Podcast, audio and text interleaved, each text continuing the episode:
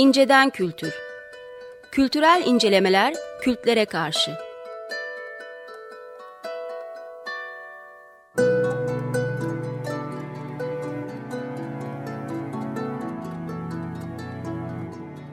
Hazırlayıp sunanlar Mesut Varlık ve Gökhan Aslan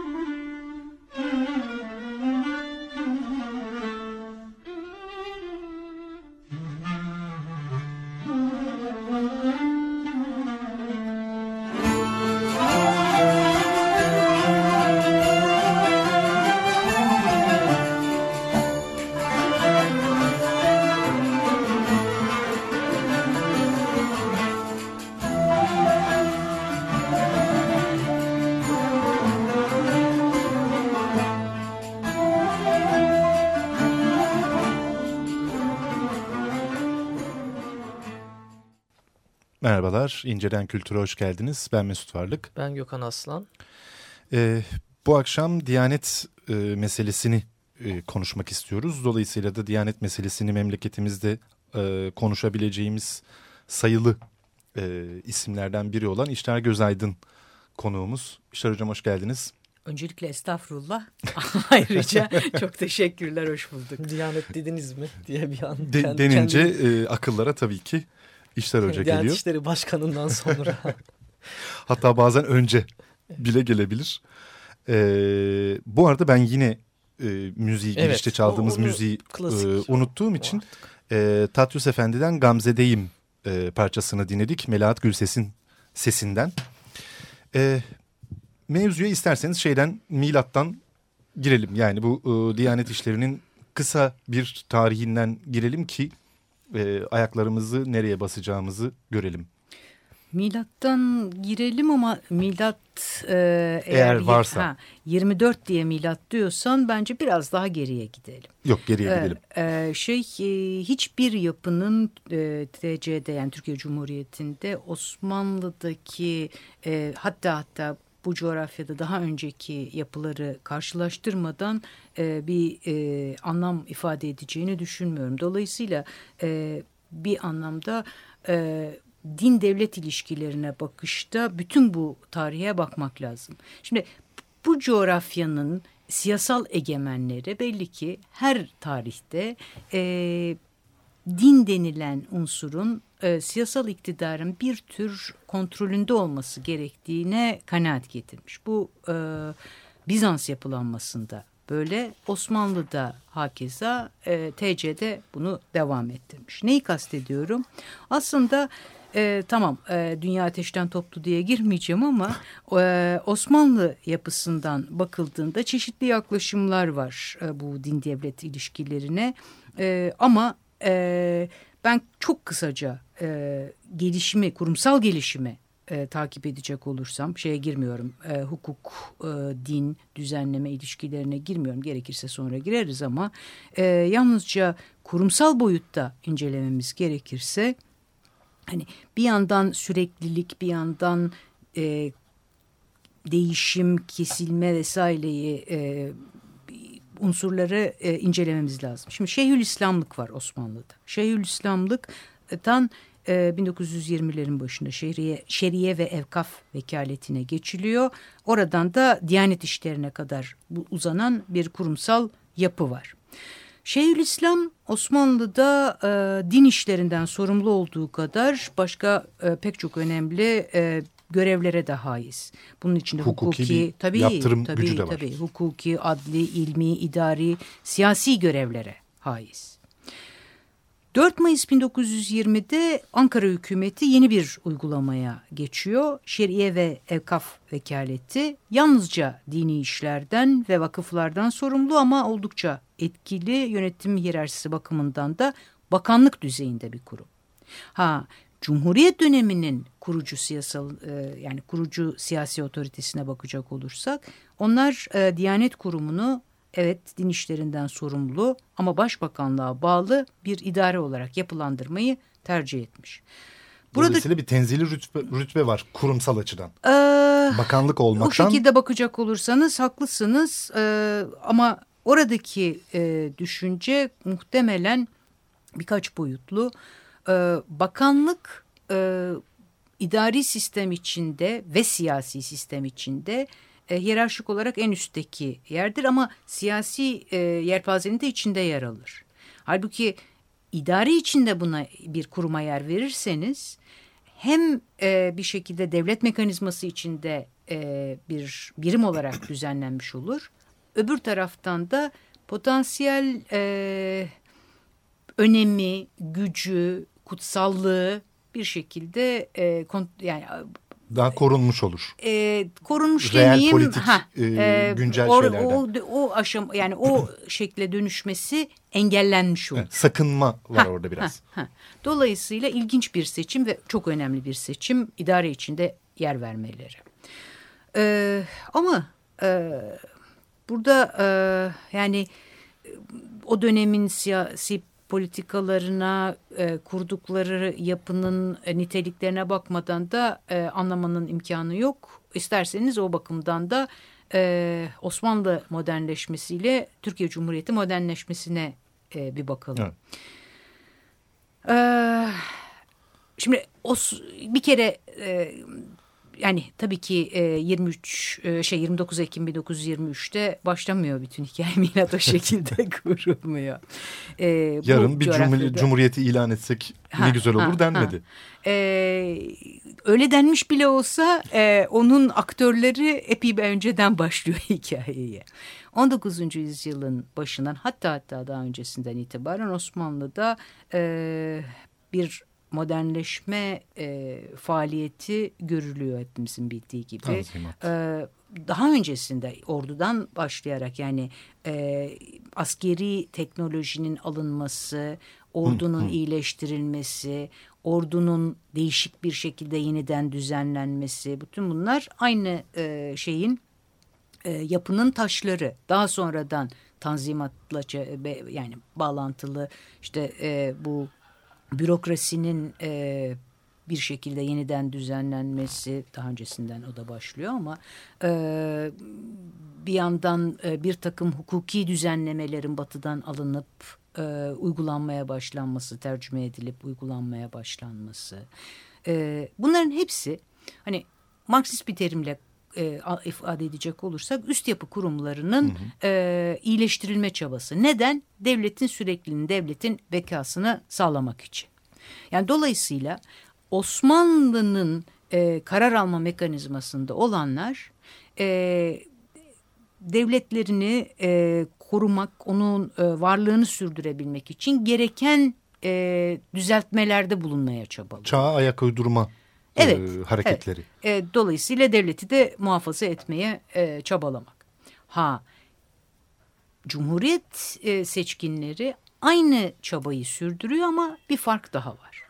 e, orada çok ciddi bir e, modernli yani e, Cumhuriyet bir modernite projesi.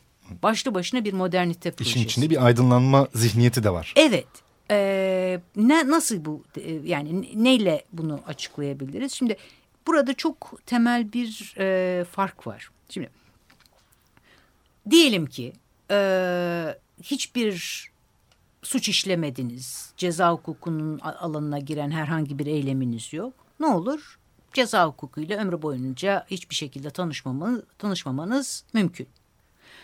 Ee, ticaret yapmıyorsunuz. E, hiçbir alışveriş vesaire şeyiniz yok. Böyle bir faaliyetiniz yok, ekonomik faaliyetiniz yok. Ticaret kanunuyla da hiç karşılaşmazsınız. Diğer yasal düzenlemeler içinde, temel yasal düzenlemeler içinde bu söylenebilir. Ama bir yasal düzenleme alanı var ki bundan e, hiç kimsenin kaçmasının imkanı yok. Ana rahmine düştüğünden itibaren bir yasal e, grup e, düzenlemenin tam göbeğindesin. Neden bahsediyorum? Medeni kanun dediğimiz alan. Şimdi medeni hukuk öyle bir alan ki e, e, anından itibaren bir takım haklara sahip olman, e, daha sonradan kurduğun e, aile ilişkileri, evlenmesi, boşanması, e, çocuklar üzerindeki yetkilerin, e, öbür taraftan kurduğun e, sözleşmeler, malın e, mülkün, ha malın mülkün, eşya dediğimiz malın mülkün, mirasın, bunların her biri e, medeni kanun dediğimiz kanundan düzenleniyor. Bu bir şekilde aslında çok gündelik hayata da dair olan tamamıyla toplumsal ilişkileri tamamıyla. hatta mikro düzeyde iktidarın kendini yaşam e, yani senin yaşam alanını yaşam tarzını daha Hı -hı. da önemlisi kurgulayan bir şey çünkü e, oradaki kurallarla aslında o e, tarzı o e, stili kurmuş oluyorsun. Yani kültür denilen şeyin e, hukuki zeminde en çok kendini gösterebileceği Kodlanmış ya da yeniden hali. kodlanabileceği artık çift yönlü olabilir. Kesinlikle. Hikaye burada Tamamıyla hemfikir. Şimdi burada çok ilginç bir e, yol ayrımı görüyoruz Osmanlı ile TC bakımından. Osmanlı e, ne zaman ki e, medeni hukuk alanında bir e, düzenleme benimsenmesi gerekiyor. Müthiş bir tartışma başlıyor. Kimileri çok bayağılaştırarak basitleş yani şey e, e, sıradanlaştırarak anlatmaya çalışıyorum ama e, şöyle gruplar var. Birileri diyorlar ki ya harikulade şu, bu dönemde hazırlanmış e, Napolyon'un e, şeyi var, e, kanunu var Kod Napolyon. E, o dönemin en e, şey modern tırnak içinde e, düzenlemesi. E, bunu alalım, iş olsun. Birileri de kalkıp diyorlar ki hayır olmaz bu bir kültür meselesidir Gökhan tam senin söylediğin gibi. E, dolayısıyla e, bunu alırsak e, çok ciddi bir e, farklılık oluşturmuş oluruz. Biz kendi e, düzenlememizi kendimiz yapmamız gerekir. Netekim bu çok uzun süren ama çok ilginç yani belki de Osmanlı'nın en ilginç metinlerinden bir tanesi e, Mecelle ortaya çıkıyor bu süreç sonunda. Türkiye Cumhuriyeti uygulamasına baktığımızda ise tamamıyla farklı bir tercih görüyoruz.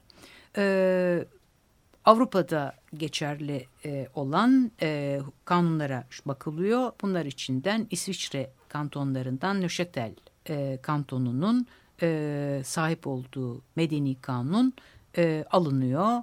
E, hemen hemen hiçbir değişiklikle e, benimseniyor.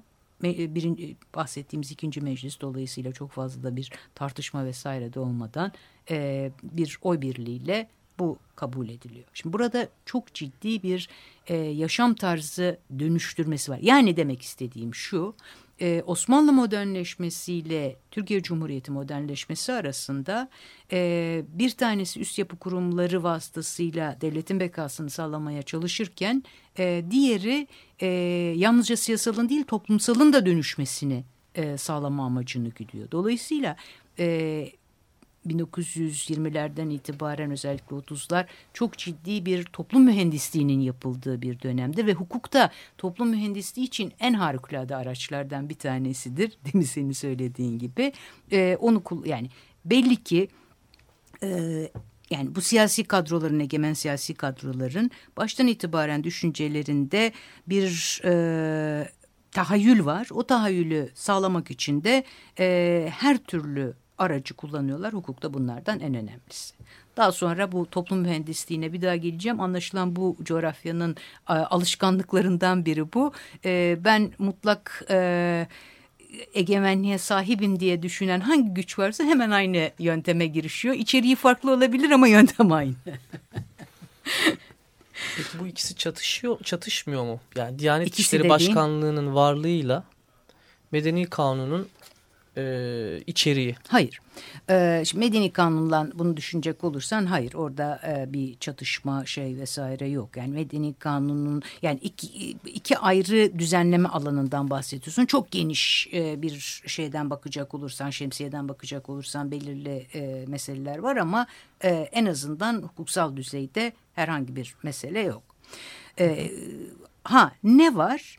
E, bir kere niye kuruluyor Diyanet İşleri Başkanlığı? Diyanet İşleri'nin kurulmasının başlıca nedeni e, halk yani ilgilileri dini konularda e, bilgilendirmek, e, ibadet yerlerinin vesairenin bir takım e, düzenlenmesi şeyle, ve idaresi. Ya, şeyine e, evet e, evet gündelik ihtiyaçlarını vesairesini karşılama. Yani şöyle söyleyeyim en burada da en büyük meşruiyet e, gerekçesi olarak şu söyleniliyor deniliyor ki e, diğer e, özellikle de Hristiyanlık yapısından farklı olarak e, İslam'da bir e, ruhban sınıfı yok. Dolayısıyla e, bir ayrışma söz konusu değil.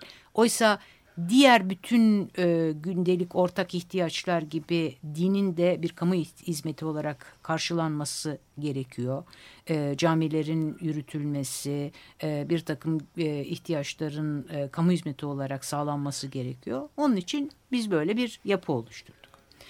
Bu doğru mu? Bir noktaya kadar doğru. Yalnız burada başka unsurlar çıkıyor. Birincisi e, bilgilendirmek dediğin andan itibaren bir bilginin üretilmesi anlamına geliyor. Nasıl bir bilgi? Yani dini bilginin üretilmesi. Hı hı. Dini bilginin üretilmesi demek ne demek? Her e, şey e, bilginin e, iktidar olduğunu da düşünecek olursa hı hı. belirli bir görüş çerçevesinde bu bilginin yani e, Osmanlı'dan beri gelen de, e, siyasi iktidarın bir şekilde benimsediği o Sünni Hanefi anlayış çerçevesinde bu bilginin üretildiği e, ortada.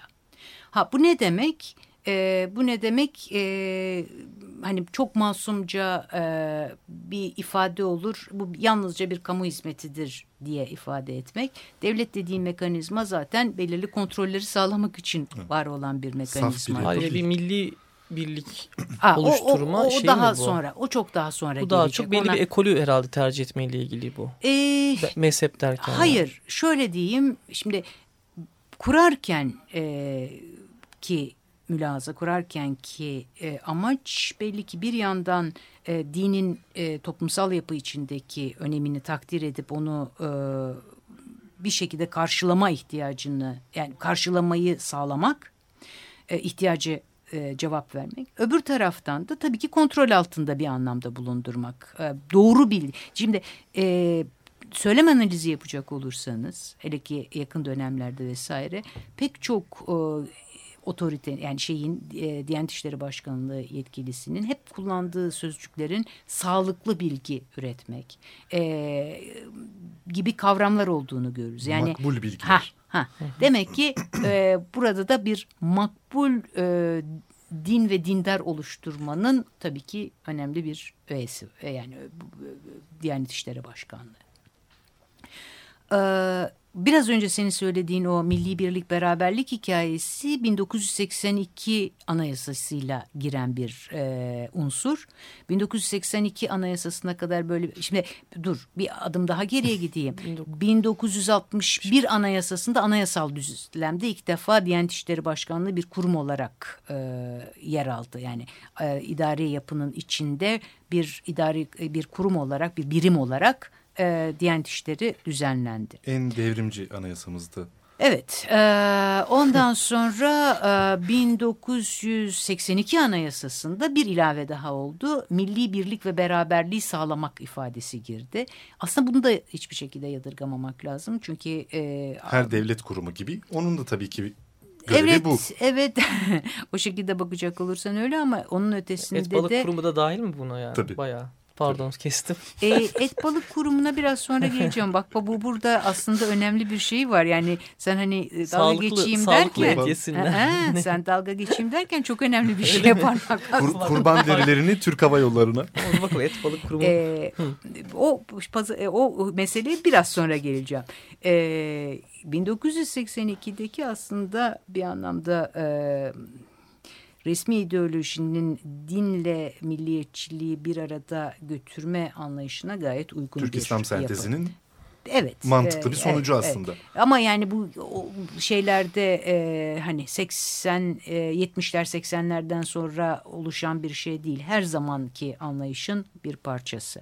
Ha demin e, şey e, Et balık et balık kurumundan bahsediyorsun. Orada ilginç bir şey var çünkü et kesimi meselesi var. Önemli. E, bu helal denilen Avrupa piyasasında yani e, şeyin etin kesimiyle ilgili orada düzenlemeler vesaire yani zannetme ki e, havadan bir kurumdan bahsettim Değil. son derece bağlantılı Yani bir kurumdan gibi bahsettim. İslami şartlara göre anlamda kesilmektedir. da evet sağlıklı et Ya olarak meşruiyet sağlama bakımından e, ilginç bir bu arada çok ciddi bir pazar olduğunu ifade etmem lazım Avrupa pazarı bakımından bu helal pazarının e, bunun yoru şeyini almak e, sertifikası. sertifikasını almak vesaire Avrupa e, daki e, Müslüman e, nüfusun artmasıyla birlikte çok ciddi bir e, pazara dönüşmüş durumda.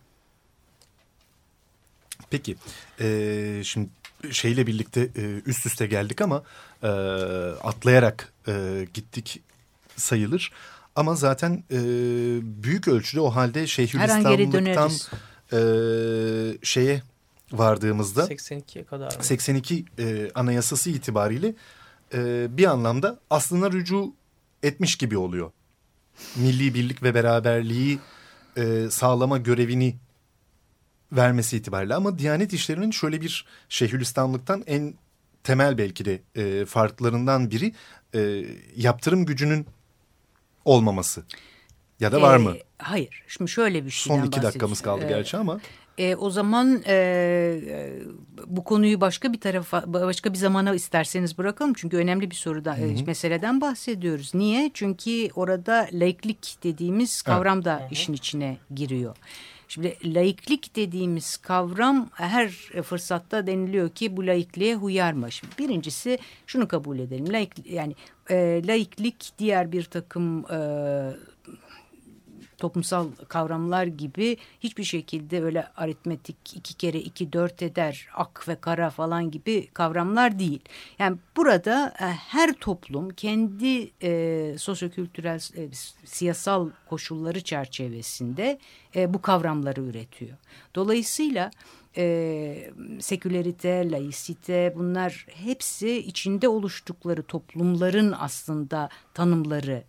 E, Türkiye Cumhuriyeti uygulamasına bakacak olursanız laiklik e, aslında tamam yani dinle devlet işlerinin çok bayağı tanımda olduğu gibi din ve devlet işlerinin ayrılması değil e, hiçbir şekilde e, hukuksal normların e, referanslarının e, dini e, temellere Kaynaklara. dayanmaması demektir. Yani biraz önce bahsettiğin o e, aydınlanma düşüncesinin, rasyonel düşüncenin hukuka yansıması hikayesi. Onun çok güzel bir ifadesi vardır. Bu laik nitelemesi e, anayasaya 1937'de giriyor.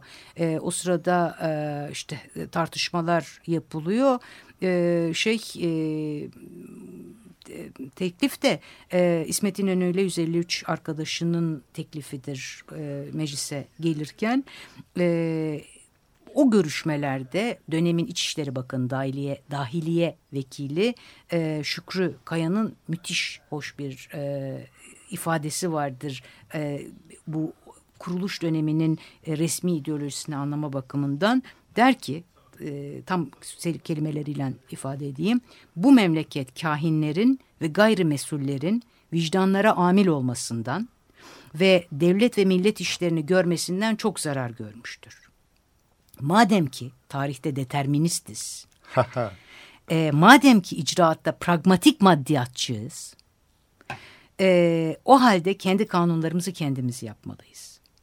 Eşhasın vicdan hürriyetlerine ve istedikleri dinlere intisabına zerre kadar müdahalemiz yoktur. Herkesin vicdanı hürdür.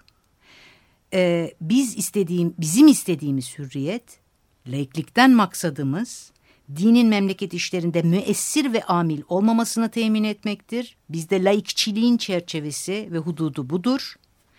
Biz diyoruz ki dinler vicdanlarda ve madenler, ma, e, mabetlerde kalsın, maddi hayat ve dünya işlerine karışmasın. Karıştırmıyoruz, karıştırmayacağız.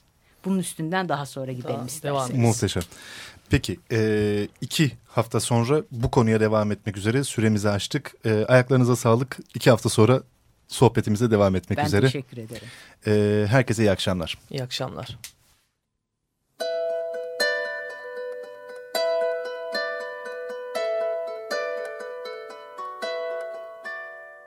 İnceden Kültür Kültürel incelemeler kültlere karşı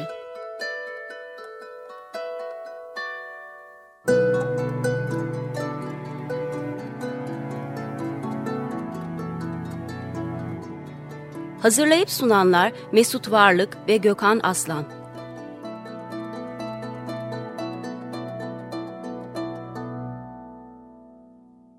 Açık Radyo program destekçisi olun. Bir veya daha fazla programa destek olmak için 212 alan koduyla 343 41 41